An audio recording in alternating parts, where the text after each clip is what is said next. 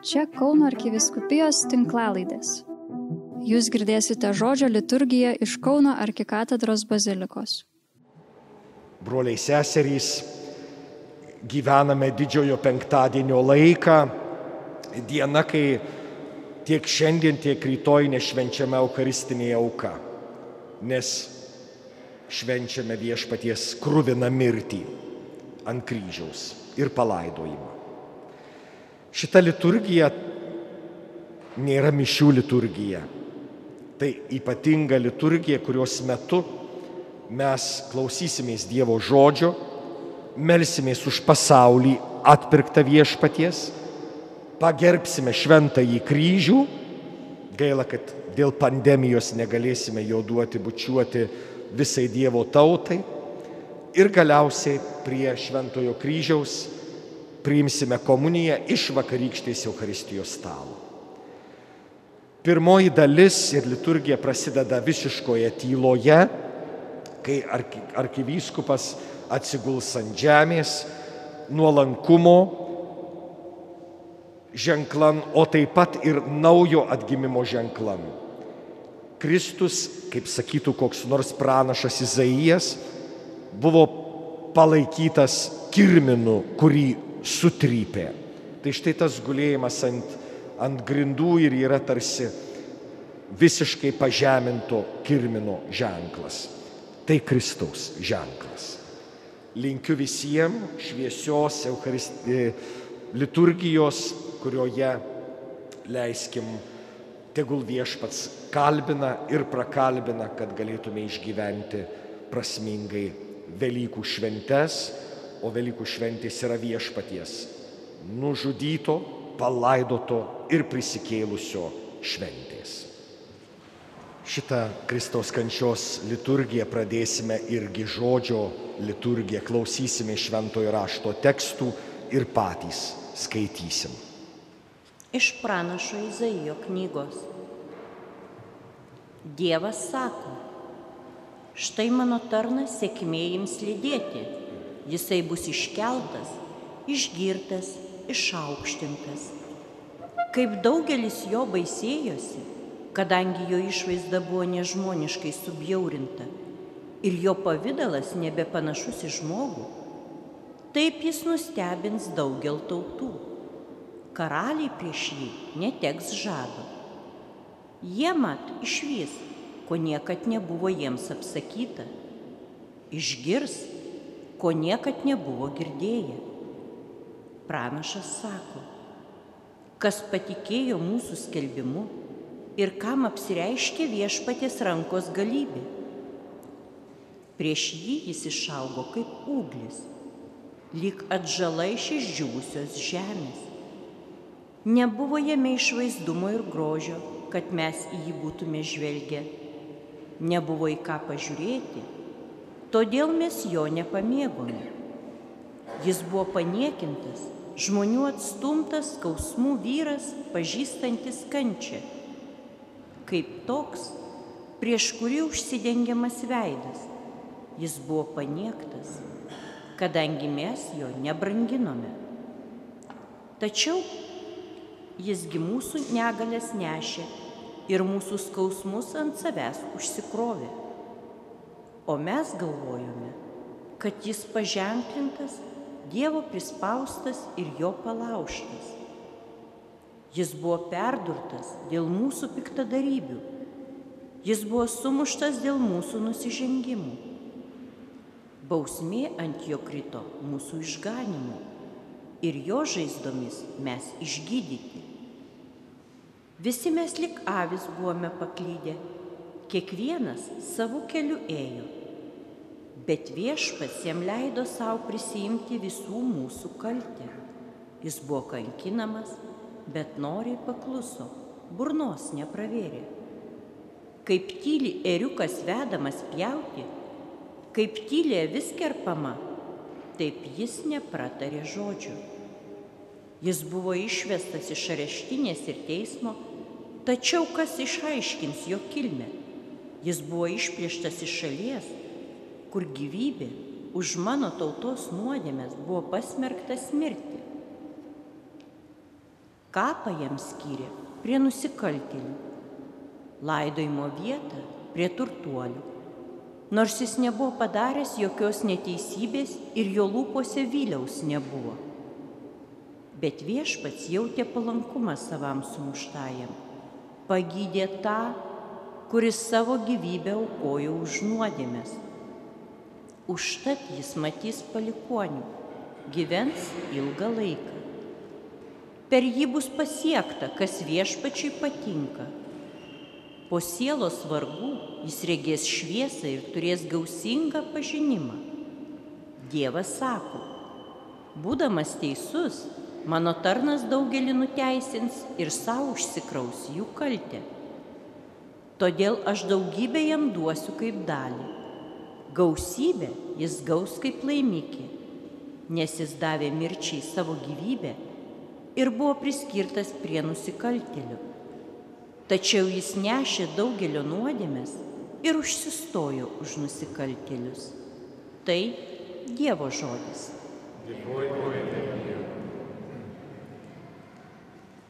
Tėve į tavo rankas atiduodu savo dvasę.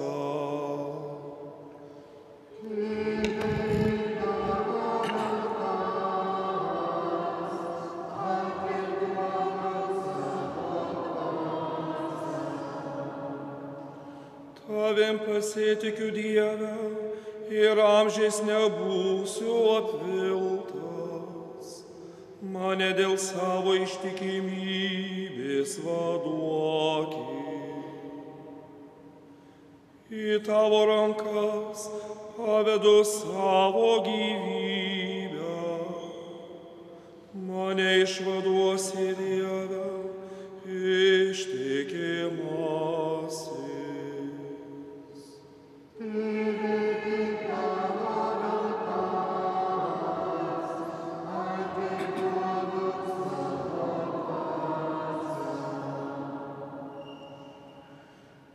Priešai visai mane pūsta, kaimynai pajuokia draugai manim baisys. Gatviai pamatę nuo manęs bėga. Užmirštas aš širdyse sakytumei miręs, nelyginant indą sudužęs.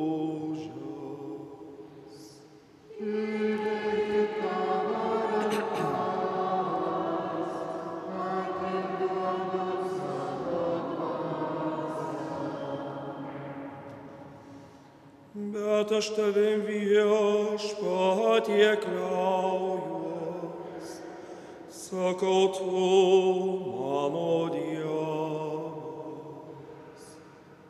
Tik tavo rankose mano likimas,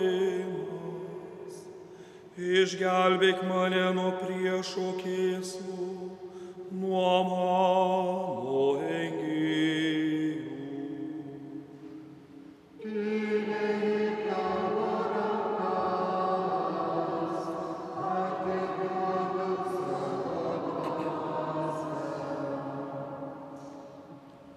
Man savo tarnui malonu į veidą parodyk.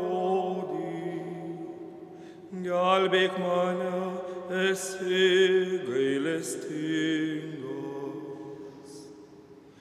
Drąsias tvirtas širdis turėkit, kas viešpačiu tikit.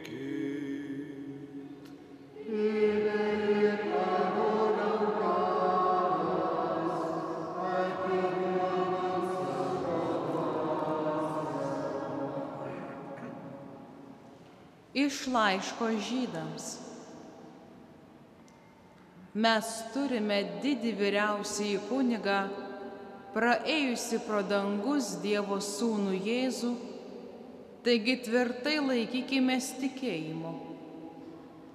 Mesgi turime ne tokį vyriausiai kunigą, kuris negalėtų atjausti mūsų silpnybių, bet kaip ir mes, visaip bandyta, tačiau nenusidėjusi.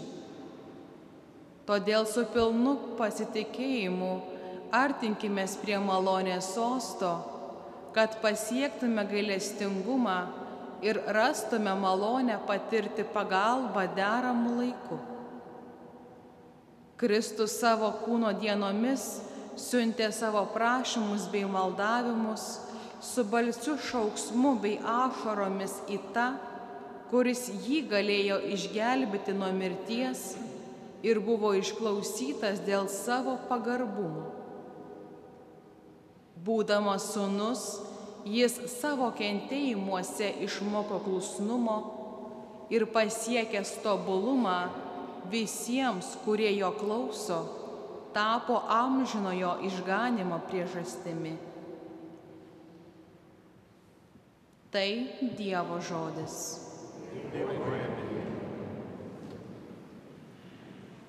Šį vakarą perskaitysime viešpaties kančios istoriją, kurią užrašė evangelistas Jonas. Mokslininkai sako, kad pirmiausia buvo parašytos Kristaus kančios istorijos, o paskui tai, kas vyko iki viešpaties kančios ir tik dar vėliau tai, kas vyko po Jėzaus palaidojimo. Pagal senąją tradiciją visi kartu skaitysime šitą istoriją, tekstus visi turime, ten, kur nurodyta visi, tarkime šitos žodžius visi ir suvokim, kad patys esame šitos istorijos dalyviai, šitos istorijos žmonės. O dabar pasirenkim Kristaus kančios skaitinius. Mūsų viešpaties Jėzaus Kristaus kančia pagal Joną. Jėzus su savo mokiniais nuėjo anapus Kedrono upelio, kur buvo sodas. Jis ir mokiniai įžengė į sodą. Jo išdavėjas Judas taip pat žinojo tą vietą, nes Jėzus dažnai ten susieidavo su savo mokiniais. Taigi Judas, gavęs kareivių būri ir aukštųjų kunigų bei fariziejų tarnus, atėjo ten su žibintais, deglais ir ginklais. Jėzus, žinodamas visą, kas jo laukia, išėjo į priekį ir paklausė. Ko ieškote? Jie atsakė. Jėzus tarė. Tai aš. Jo išdavėjas Judas irgi stovėjo tarp jų. Kai tik Jėzus ištarė tai aš, jie atšoko atgal ir parpuolė ant žemės. O jis vėl juos klausė. Ko ieškote? Jie atsakė. Jėzus atsiliepė. Jau sakiau jums, kad tai aš. Jei manęs ieškote, tai leiskite šitiems pasišalinti. Taip turėjo įsipildyti jo pasakyti į žodžiai, iš tavo man pavestųjų nepražudžiau nei vienu. Simonas Petras, kuris turėjo kalaviją, įsitraukė jį, ištiko vyriausiojo kunigo tarną ir nukirto jam dešinę ausį. Tarnas buvo vardu Malkus, bet Jėzus sudraudė Petrą. Kišk savo kalaviją į makštį. Nejaugi aš negersiu tos taurės, kurią tėvas man yra davęs. Burys, jo vadas ir žydų tarnai suėmė Jėzų, surišo ir nuvedė pirmiausiai pas Aną. Mat jis buvo anų metų vyriausiojo kunigo Kajafo uošvis. Tai tas pats Kajafas, kuris buvo žydams pataręs, verčiau tegu vienas žmogus numiršta už tautą. Paskui Jėzų nusekė Simonas Petras ir kitas mokinys. Tas mokinys buvo pažįstamas su vyriausiojų kunigu ir įėjo paskui Jėzų į vyriausiojo kunigo kiemą. Petras liko stovėti laukia prie vartų. Tuomet anas mokinys, kuris buvo pažįstamas su vyriausiojų kunigu, išėjo laukan, pasikalbėjo su durininkė ir įsivedė Petrą vidun. Tarnaitė durininkė ir sako Petrui, Ar tik ir tu nebūsi vienas iš to žmogaus mokinių? šis atsakė, O ne. ten stoviniavo samdiniai ir tarnai, dėl šalčio susikūrė ugnį ir šildėsi.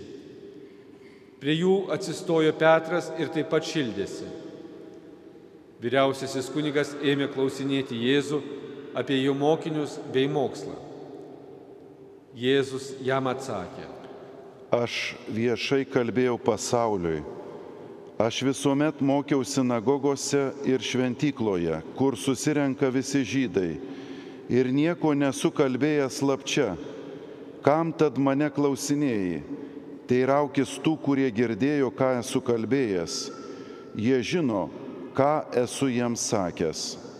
Jam tai pasakius, vienas iš ten buvusių tarnų smogė Jėzui per veidą, tardamas.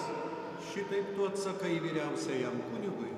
Jėzus jam tarė, Jei pasakiau netiesą, įrodyk, kad tai netiesa.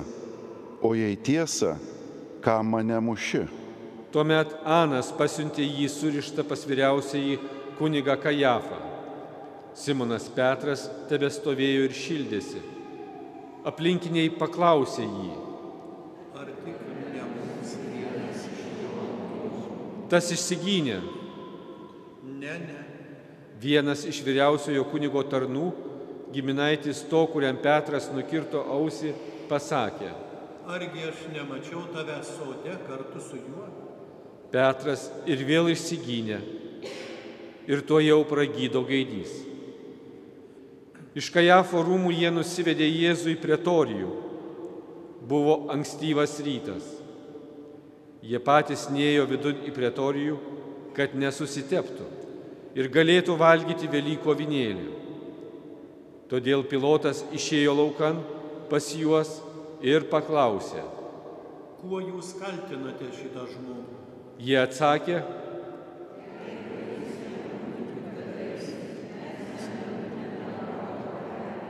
pilotas tarė, Imkitės ir teiskite jį pagal savo įstatymą. žydai jam atsakė.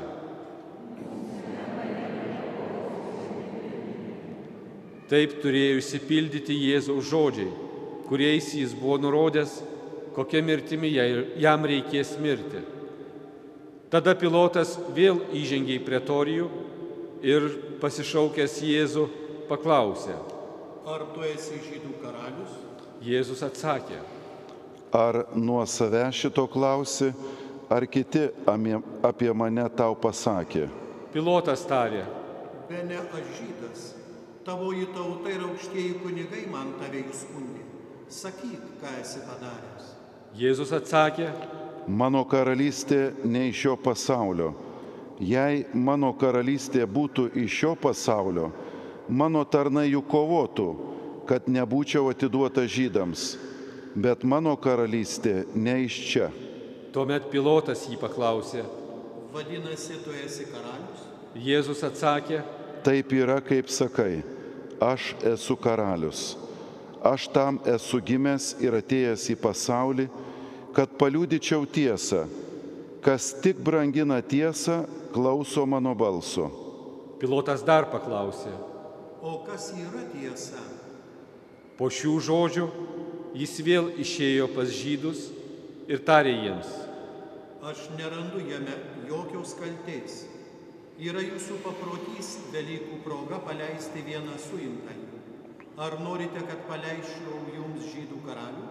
tada jie ėmė šaukti. O Barabas buvo plėšikas. Tuomet pilotas ėmė ir nuplakdino Jėzų. Kareiviai nupynę vainiką iš irškiečių, užspaudė jam ant galvos, apsiautė jį purpurinę skraiste, ėjo prie jo ir šaipėsi. Ir daužė jam per veidą, o pilotas dar kartą išėjo laukan ir kalbėjo žydams. Štai išvedu jį jums, kad žinotumėte, jog nerandu jame jokios kaltės. Taigi Jėzus išėjo laukan su irškiečių vainiku ir purpurinė skraiste. Pilotas tarė, štai žmogus. Aukštieji kunigai ir jų tarnai pamatė jį, ėmė šaukti. Pilotas jiems sako, Jūs imkite ir patys nukryžiuokite. Aš nerandu jame kaltės. žydai atsakė,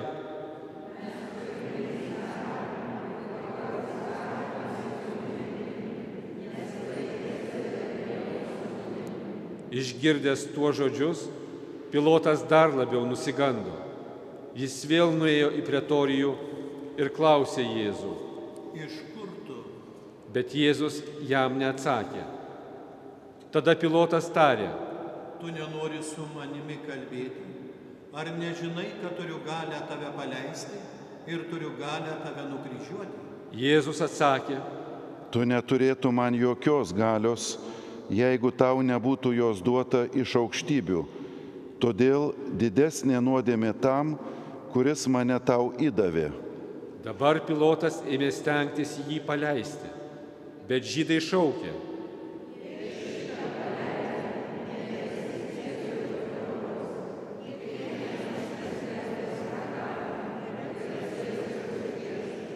Tai išgirdęs, pilotas išsivedė Jėzų laukan ir atsisėdo į teisėjo krasę vietoje, pavadintoje akmeninis grindinys, hebrajiškai gabata.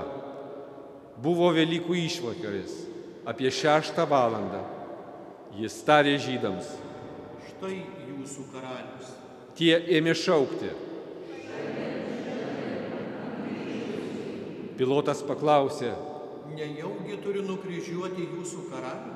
aukštieji kunigai atsakė. Tuomet pilotas atidavė jiems jį nukryžiuoti. Taigi jie pasiemė Jėzų ir išsivedė. Neždama savo kryžių, jis ėjo į vadinamąją kaukolės vietą, hebrajiškai Golgota. Tenai jį nukryžiavo. Kartu su juo ir kitus du. Vienoje ir antroje pusėje, o Jėzų viduryje. Pilotas padarė užrašą ir liepė prisekti prie kryžiaus. Ten buvo parašyta Jėzus Nazarietis, žydų karalius. Šį užrašą skaitė daugybė žydų, nes vieta, kur buvo Jėzus nukryžiuotas, buvo arti miestų, o parašyta buvo hebrajiškai, lotyniškai ir graikiškai. Aukštieji kunigai sakė pilotui, Nerašyk žydų karalius, bet šitas skelbėsi, aš esu žydų karalius. pilotas atkirto, Ką parašiau, parašiau. Kareiviai, nukryžiavę Jėzų, pasiėmė jo drabužius ir padalijo juos į keturias dalis, kiekvienam kareiviui po dalį. Pasiėmė ir tuniką. Ji buvo besiulės, nuo viršaus iki apačios ištisai mėgsta. Todėl jie tarėsi, Neplėšykime jos, bet verčiau meskime burtą, kam ji teks. taip išsipildė raštas, jie drabužius mano dalyjas, meta mano apdaro burtą. Šitaip kareiviai ir padarė. Prie Jėzaus kryžiaus stovėjo jo motina, jo motinos sesuo, Marija Kleopienė ir Marija Magdalietė. Pamatęs stovinčius motiną ir mylimą į mokinį, Jėzus tarė motinai, Moterie, štai tavo sunus, paskui tarė mokiniui. štai tavo motina. Ir nuo tos valandos mokinys pasiėmė ją pas save. Tada, žinodamas, jog viskas įvykdyta ir kad išsipildytų raštas, Jėzus tarė. Trokštų, Tenai stovėjo indas, pilnas perūkusio vyno. Jie pakėlė ant įzopo vitelės kampinę, pamirkytą vinę ir prinešė prie jo lūpų. Paragavęs to vyno, Jėzus tarė. atlikta. ir nuleidęs galvą atidavė dvasę.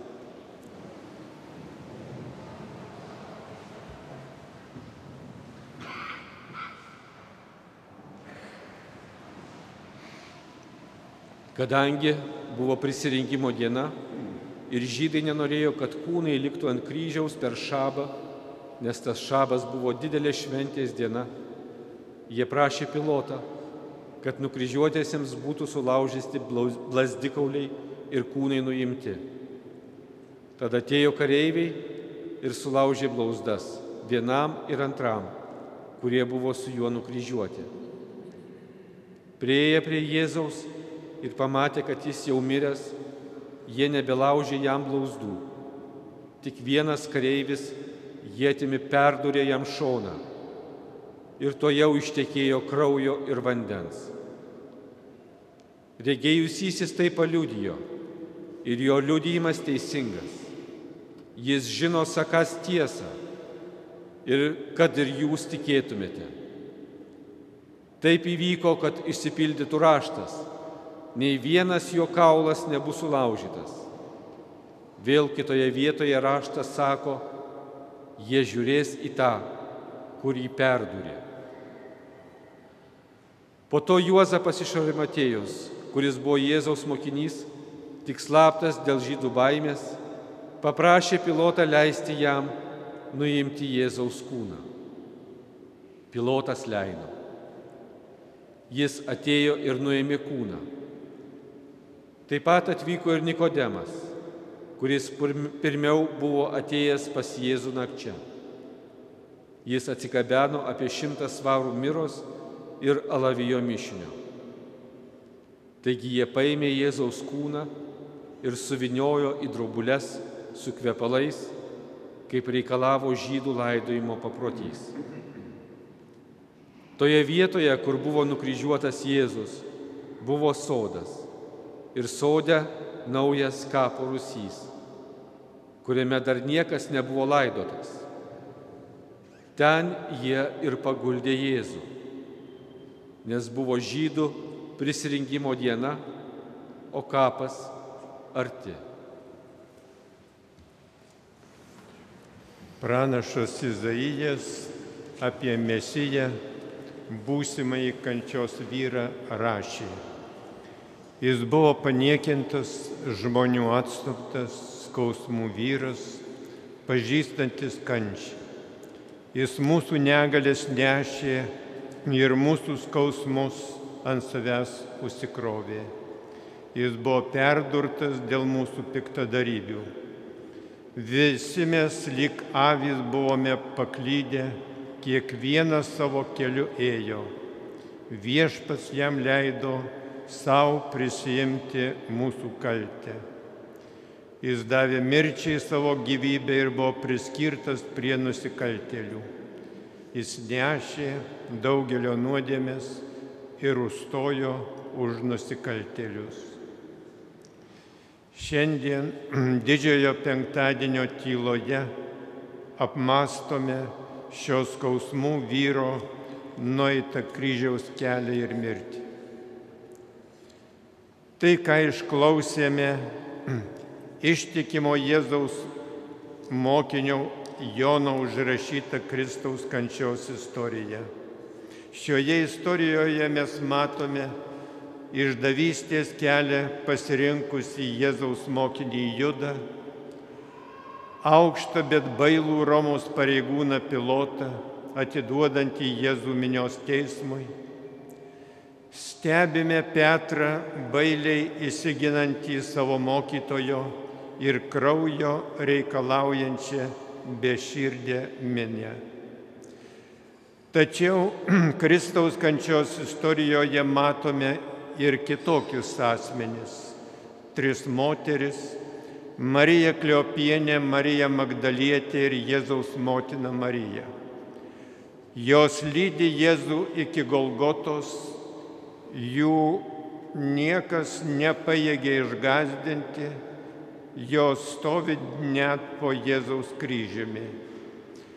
Vyrai išduoda, įsigina, pasmerkia, kiti bailiai pabėga nuo savo mokytojo, o moterys išlieka tvirtos ir ištikimos. Jų meilės ištikimybė labiausiai jas išaukština. Gerai, kad šalia Jėzaus kryžiaus matome nors mokinį Joną.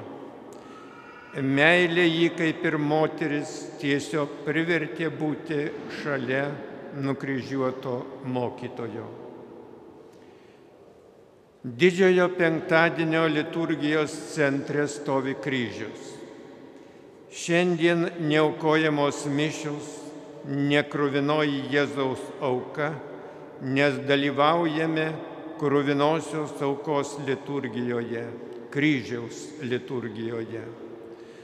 Mūsų akis ir širdys nukreiptos į kryžių, nes prie jo prikalta meilė. Be šio kryžiaus nebūtų prisikėlimo, nebūtų pergalės prieš nuodėmę, nebūtų Velykinio džiaugsmo.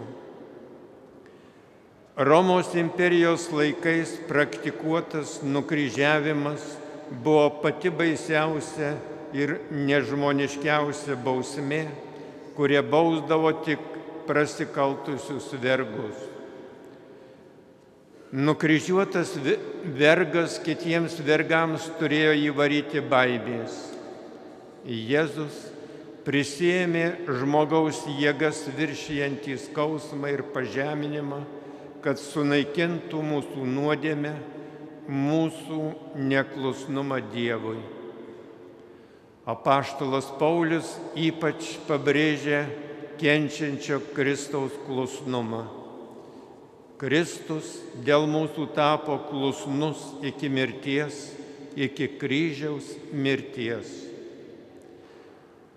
Pasaulis ir jo vaikai nesupranta nei savo, nei Kristaus kryžiaus prasmės ir ieško būdų, kaip nuo jo pabėgti. Pramogų industrija, alkoholis, narkotikai, kazino - tai priemonė siekiant pabėgti nuo kryžiaus ir patirti bent dirbtinį džiaugsmą, kurį greitai seka dar didesnis liūdėsys. Tačiau paradoksas - juo labiau žmogus bėga nuo Kristaus kryžiaus, juo labiau jis legia savas kryžius kurį uždeda nuodėmė. Slegia kryžius, prie kurio nėra nukryžiuotos meilės. Kryžius be Kristaus yra baisus ir žmogus dažnai jo naštos net laiko. Apie tai liūdėja savižudybės. Mes, tikintieji žmonės, kryžių apkabiname ir bučiuojame Jis nėra mums kaip amuletas saugantis nu, nuo nelaimių. Jis kalba apie begalinę Dievo meilę ir gailestingumą. Kalba apie kainą, kurią sumokėjo Dievo sūnus, kad mes būtume išgelbėti. Būdami nuodėmės akivaizdoje mes esame gundomi būti lengvapėdžiais ir mastome, kad Dievas tiek kartų atleidęs ir šį kartą atleis ir dovanos. Kristaus kryžius kalba, kad nuodėmė yra skaudus nukrypimas nuo Dievo kelio, jei už tai reikėjo sumokėti tokią didelę kainą. Kristaus kryžius kalba ne tik apie Dievo gailestingumą, bet ir apie tai, kad su nuodėme žaisti negalima. Tikinčiųjų bendruomenė šiandien yra susibūrusi aplink Kristaus kryžių. Priimti kryžių reiškia priimti nukryžiuotosios meilės iššūkį. Kryžius kviečia į meilę sakyti meilę ir besąlygišką ištikimybę Šią ištikimybę labai gražiai nusako apaštalas Paulius. Aš gyvenu, tačiau nebe aš, o gyvena manyje Kristus. Tai atsakymas į Kristaus kryžiaus kvietimą mylėti iki galo, kaip mylėjo pats Kristus. Tik kryžiaus papėdėje galima subrandinti pačius reikalingiausius pasiryžimus, kurie vėliau turi lemiamos įtakos mūsų žmonių gyvenime. Šis didžiojo penktadienio vakaras su Kristaus kryžiaus pagerbimu, su kryžiaus kelio procesija Santakos parke padės padaryti pasiryžimą būti atidiems Kristaus meiliai ir saugotis viso to, kas galėtų tą meilę pažeisti. Amen.